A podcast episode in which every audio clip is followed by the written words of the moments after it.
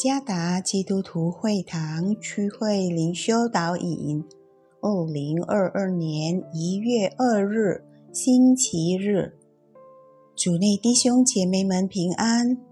今天的灵修导引，我们要借着圣经路加福音二十二章十四到二十二节来思想今天的主题：为他所立的约而感恩。作者蔡国闪传道，《路加福音》二十二章十四到二十二节。时候到了，耶稣坐席，使徒也和他同坐。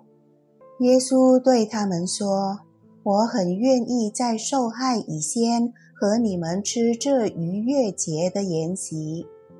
我告诉你们，我不再吃这筵席。”直到成就在神的国里，耶稣接过杯来，注谢了，说：“你们拿这个，大家分着喝。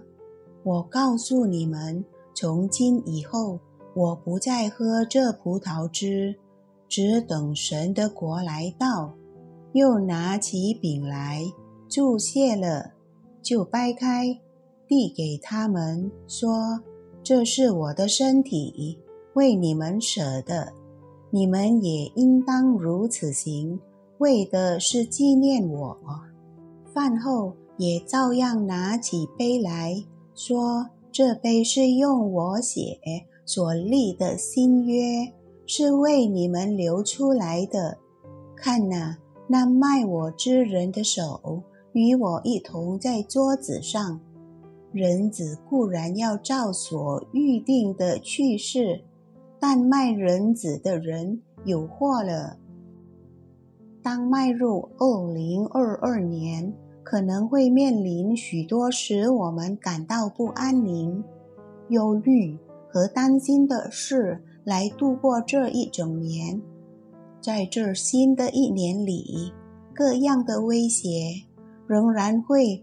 扰挠着我们的生活，如疾病的威胁、经济不稳定的威胁，在今年政治局势将炽热的升温、社会问题及其他等等，我们需要有稳固的根基来过这一年。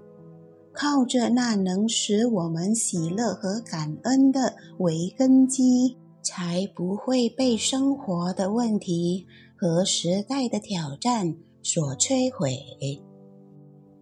在我们今天灵修的经文里，这事情发生在主耶稣被卖及钉十字架的前一个晚上。主耶稣设立了圣餐圣礼。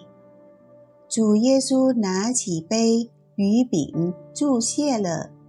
耶稣说：“这是我的身体，为你们舍的。这杯是用我血所立的新约，是为你们流出来的。”参看十六到二十节。耶稣将经历痛苦，以救赎人类的罪。圣餐成为信徒继续旅行的圣礼，为纪念他的爱和牺牲，主耶稣为那纪念的事感恩，意味着他为他的子民死而感恩。主耶稣并不是为他将受苦和担当世人的罪而感恩，但因他透过他的死。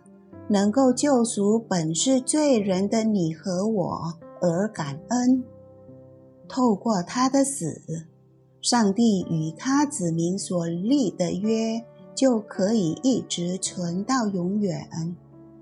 所有信徒都是在基督耶稣里合而为一的肢体，这样我们就可以一起为基督耶稣救赎大功。奠定信心的根基。每一个信徒领受圣餐时，凝聚信心，从以往直到现在，只等到他第二次再来时，而将完成的基督大功。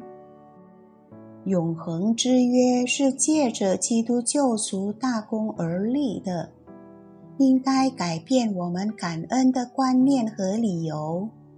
第一，基督徒感恩的根基是坚固而且不会改变的。是基于基督的工作，而不是人。第二，感恩不单单是在好的情况时，而是无论在任何的情况下和环境中。好比基督虽将面对拒绝、痛苦及死亡，却仍旧感恩。第三，信徒最大的感恩。乃是拥有爱我们和为罪人成为赎罪祭的基督。他的爱是永恒，他的爱是完美。弟兄姐妹，虽然世界有时对我们如此残忍和严酷，上帝的爱在基督里是永不改变的。让我们基于基督大功。而立下的永恒之约来感恩吧。永恒之约是我们将面对未知的二零二二年感恩之坚固的根基。主耶稣赐福。